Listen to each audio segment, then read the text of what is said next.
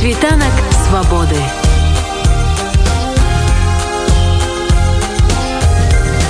Світ вольнасці. У Киеве адбыўся круглы стол з назваю беларускія вайскоўцы паміж адданасцю прысязе і з пакусамі ад імперыі. Адной з нагодаў яго паслужыла першая ў гісторыі незалежнай беларусі адпраўка беларускіх вайскоўцаў выконваць ваенныя дзеянні з-за мяжой у якасці так званых міратворцаў АДКБ на ўтаймоўвання ўнутраных пратэстаў у Казахстане. Асноўныя тэзы, якія прагучалі падчас дыскусіі ў нашым сюжэце.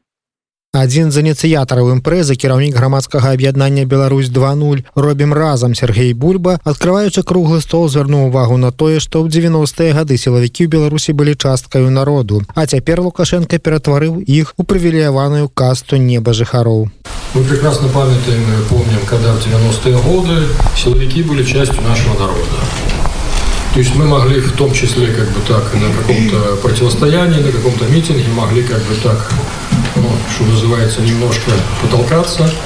Но после этого мы могли, например, где-то собраться вместе в каком-нибудь кабачке, там по пиву пройтись, обсудить как чего. То есть мы были свои, понимаете, две части одного народа. Что сделал как бы так вот эту вот систему Лукашенки? Они вывели силовиков, они их подняли как бы на уровень выше. Да, да, да. Они именно сформировали новую касту небожителей. І яны сапраўды лічаць лукашэнку сваім кіраўніком хаця насамрэч для таго ж пуціна ён усяго ж толькі заўхоз ну, становится очевидным роль лукашэнкі он для путина просто завхоз он вредный паскудный завхоз но он завхоз он на хозяйстве просто поставленный он не есть тот кто ведет какую свою страну э, кто имеет какую-то идеологию какое-то направление развития он его не имеет для них главное удержаться сейчас и, собственно, это самое контролировать все потоки финансовые, информационные, для того, чтобы Бога ради, в общем-то, народ вот не вел себя как в 20 году. Сергей Бульба мае інфармацыю пра дзейнасць у шэрагах беларускіх сілавых структураў расійскай агентуры, якая пашырае меркаванне пра тое, што в аналагічных структурах Росіі служыць будзе больш зручна і выгодна. Достаточно как бы так российской агентуры, которая постоянно на всех уровнях, начиная от лейтенантов, заканчивая до полковников и генералов, друг другу как бы так рассказывают о том, что скоро придет Россия, все станет замечательно, у нас вырастет сразу и финансовое содержание, у нас материально-техническая база появится. Да, да. То есть вот, вот в Беларуси реально белорусские офицеры живут этим. Они не знают обратной стороны. Как разговаривая с украинскими коллегами, я понимаю, что очень многие украинцы, которые пришли, например, в Крыму на сторону России, да, первые год-два они также радовались что вроде бы, да, подняли как бы так и финансы, и все. Но, а потом, в общем-то, все начало становиться на свои места. Как говорят, э, здрада нужна всім, а здраднікі нікому. Эксперт цэнтра стратэгічных камунікацыяў ды інфармацыйнай бяспекі Макссім Маёраў прывёў лічбы здрады украінскіх сілавікоў, якая адбылася ў 2014 годзе падчас расійскай анексіі Крыму. То есть из вооруженных сил Украины предали присягу, перешли на сторону врага 70%, э, э, государственная пограничная служба 74%, внутренние войска, э, Министерство внутренних внутренних дел э, 80 6% и служба безопасности Украины 84%. То есть а, большинство, или даже сказать абсолютное большинство э, людей, которые давали присягу на верность стране, защищать ее, независимость, территориальную целостность, они э, предали и перешли э, в стан врага. То есть и это немаловажным было фактором того, что эта оккупация состоялась, что она была возможна. Одним из чинников, які нагета повпливали на думку Майорова, стало то, что многие украинские силовики не могли зрозуміти, что што адбываецца. Не маглі ўцяміць што Росія гэта вораг супраць якога трэба ваяваць. А вось генерал-маёр службы бяспекі Украіны Віктор ягун які ў 2014-15 годах быў намеснікам кіраўніка СБУ лічыць што праблема была ў тым што ў Крыме у сілавых структурах служылі мясцовыя людзі. Але як сцвярджае Віктор ягун многія ўжо цяпер расчараваныя ў сваім кроку. Практычна ніхто з дзейных супрацоўнікаў сілавых структураў расійцамі не пакінуты ў Крыме. Іх размеркавалі па ўсёй Росіі ад паўночнага каўказу да запалярнага кругу а на паўночным каўказе два украінскія здраднікі загінулі проблема была в том что э, все эти подразделения э, формировались э, как правило с местного континента это очень негативный опыт и он подтверждает что все-таки надо стараться Если на такие ответственные должности назначаются люди, то они должны уезжать ну, они принимают какое-то такое решение кардинальное, что они идут на службу, они должны уезжать в другой регион. Я думаю, что если бы э, э, крымчане служили во Львове, да, или там, э, даже если бы они служили где-нибудь в каком-то центральном э, регионе Украины, э, то э, ситуация с э, измен немножко другая, будем так говорить. Э, основная масса людей э, перешла на сторону врага, потому что им так было комфортно они вообще э, по менталитету не понимали, чем отличается, э, э, когда закончился Советский Союз, когда началась Украина, когда началась Россия. Для них этот вот весь период, это вот, вот они пришли на службу, да, они слушали, то есть они ментально даже не были готовы. Это, конечно, очень большой пробел кадровой, кадровой службы, которая ну, реально формально подходила к очень многим вопросам. Оставили, там же было управление, одно из нескольких управлений Альфы, которая отвечала э, за э, э, Крымский полуостров и южный регион Украины. И оно э, ну, очень серьезно было подготовлено, особенно по э, горной подготовке. Они специализируются по горной подготовке. И э, вот э, эти люди были в основном сначала оставлены, а потом, э, ну, потом все-таки перекинуты на э, Северный Кавказ в основном. Э, кстати, э, тут есть очень интересные факты по э, переводу людей в, на север, там еще какие-то там дальние регионы России. Но вот тут я не увидел факта о погибших. Погибли два сотрудника Альфы. При столкновении, боестолкновение было на Северном Кавказе, они принимали участие в этом столкновении. И, то есть, приехали, хотели послужить матушке России и получили то, что они хотели.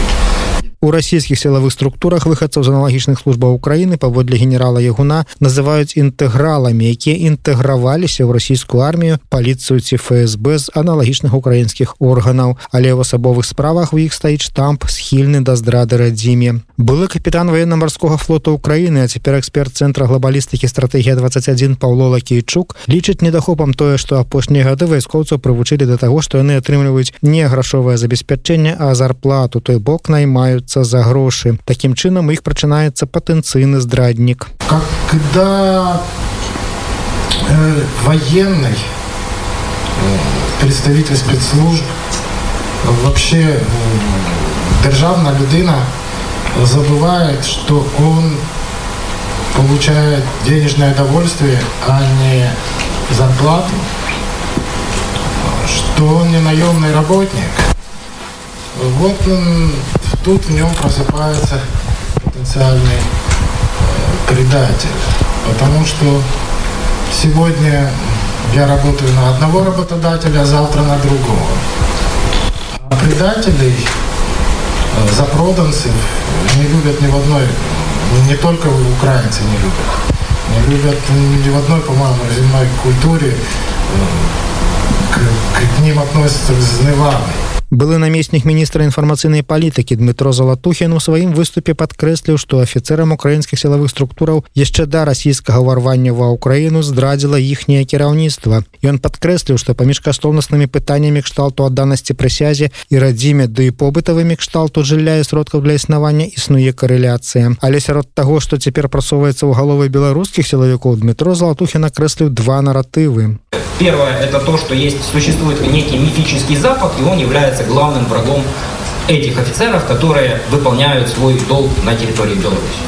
Это манипуляция, это полнейшая ложь, это, э, к сожалению, невозможно достучаться для того, чтобы это изменить, потому что э, на своих служебных местах эти люди также постоянно перерабатывают информацию, знакомятся с фактами и так далее и тому подобное. То есть это главный нарратив, что есть некий мифический Запад, который нам всем угрожает, и лучше служить Лукашенко э, для того, чтобы не допустить, чтобы Запад нас тут захватил. И второй э, нарратив, что о том, что Лукашенко и Тертель это вот олицетворение государства, олицетворение белорусского народа, чем они не являются на сегодняшний день. Мы запыталіся ў былога намесніка кіраўніка службы бяспекі Украіны генерала Віктора Ягуна, ці магчыма цяпер супраца паміж СБУ і беларускім КДБ, пра якую зараз шмат гавораць беларускія ўцікачы ва ўкраіне. Генерал такую супрацу цалкам выключае. Тут ситуація зовсім інша. Просто коли з'являється значна кількість іноземних громадян, Е, ніхто не виключає, що є е, можливість інфільтрації в цю в це середовище агентури е, ворожої держави. Ну зараз на даний момент ворожої держави, і про це всі говорять, тому що ну десь така сама ситуація, та там, де два українці, то там один зрадник. Така сама ситуація може бути в будь-якому середовищі. Тобто, і це середовище треба контролювати, тому що проводяться акції, які ну вони можливо е, не узгоджуються з нашими позиціями національної безпеки. Тобто, всі ті моменти, вони е, так чи інакше, вони мають знаходитися на контролі Е, спецслужб. І е, просто коли е, людина приїхала з під тиску білоруських спецслужб, приїжджає сюди, і тут до нього приходять, починають його опитувати служби безпеки, в людини складається думка, що все йде по паралелі. Та? Там хтось комусь не переписав, хтось комусь передав, вони виконують виконують чиєсь доручення. Ні, просто людей треба попередити, що вони знаходяться на іншій державі, ну, на території іншої держави. Ця держава свої інтереси має. Що е, якщо у людини немає ніяких претензій і вона справді потребує допомоги, то я думаю, що е, можна нормально спілкуватися і можна нормально е, вирішувати ці питання. На жаль, дуже багато представників інших держав. Колишнього союзу, які знайшли своїм осідком Україну, вони дуже хворобливо ставляться до представників спецслужб і не вірять, що вони можуть бути іншими, ніж е, ті, що е, є в їхніх країнах. Я виключаю, тому що ми припинили будь-які контакти з російськими спецслужбами, і після того, коли ми зрозуміли, що частина інформації, з якою ми могли ділитися, або ми просто е, контактували з білоруськими, вона просто передається росіянам, це просто було припинено. Сергей бульба падзяліўся сваёй інфармацыяй аб настроях у беларускіх сілавых структурах. У рамках яшчэ белага легіёну мы якраз і займаліся тым самым патрыятычным выхаваннем якраз займаліся гадоўляй афіцеру але ж ну я вам скажу так что пасля падзеяў двадцатого года наши фактычна ўсе пазвальнялись это было прынцыповае рашэнне як бы так но мы як бы так сумам назіралі тому что як бы так знайсці чалавека які вот вот сапраўдны афіцеру душы выгадаваць яго і і ўсё ж таки вот паставіць на на эту сцяжу это як бы так это кавалак працы вялікай. І таму мы вельмі як бы так э, так э, сумам адзначалі что ну і беларуская армія губляе як бы таких вартых сур'ёзных афіцераў у свой час дарэчы калі заканчивалася справа белага легіёну у семнадцатым годзе следчы камітэт куды наших вазілі от яны тады так ну яны таксама з прыязнасцю як бы так нормально ставіліся до нас але ж ну вот вот у прынцыпе як бы подсумаваўшы яны выказалі так что кажа хлопцы ну па-перша ўсё поставілі что называется дыягназ завышанное чувство патрыотизма а по-другое вот у іх тады было что типа не хвалюцеся без вас тут хапае патрыёта ўсё нормально вот вы это вот наперад бацькі там у пекла лезеце разумееце тут вялікі дысонанс может быть на тым что у канцы двадцатого года як бы ідэолагі дасягнули э, поспеха ў сілавых структурах яны правучылі афіцераў у тым ліку з міністэрства обороны что яны ім давялі што ціхановская не здольная кіраваць краінай що кірае ціхановская для таго каб распрадаць краіну. Кажу хаця той ж лукашенко распрадавы то чамусьці нікаго як бы так не не не ўзбуджае да? Іх пераканалі што менавіта яны ёсць абаронцы беларусі. Але ж вот это вот тэзіс тое што яны сябе атаясамліваюць з беларусю што Беларусь это яны яно для Масквы можа сыграць такі Ну вот вот вот такі шэры конік які это раптоўна вываліцца адкуль-небудзь тому что яны ж разлічваюць что там усе свае Я разумею що яны маюць на увазе кіраўніцтва міністэрства обороны это да это іхнее тут без пытанняў да да да А вот менавіта як бы сярэдні офіцерскі состав малодшы яно разумееце яно па ўсіх сілавых структурах мы трошку моніторым тому что ну як бы ну вот наши служылі недавно і оно паўсюль так старшее офіцерство яно чамусьці за Савецкі Саюз хотя не ўсе як бы так і пры саюзе служылі А вот малодшыя сярэднія яны збольшого за Беларусь іх цалкам все задавальняе разумееце але ж ну вот вот это вот калектыўная здрада якая адбылася это ж фактычна но ёсць прысяга народу а ёсць прысяга ну вот зараз каму яны служаць Ну это ж явно не прадстаўнік народа Таму калі яны служаць нелегітымнаму як бы так но ну недзе б на падсвядомасці яны так і імкнуцца галоўным месаджам круглага стала які варта зразумець беларускім сілавікам стала агучана на пачатку прыказка што здрада патрэбна ўсім а здраднікі нікому Што ж беларускія вайскоўцы сапраўды ў які ўжо раз ставяцца тымі хто ўтрымлівае ўладу ў беларусі перад дылемай ці быць адданымі прысязе народу ці спакусіцца на нейкія досыць цьмяныя абяцанкі дабротаў Світанак свабоды.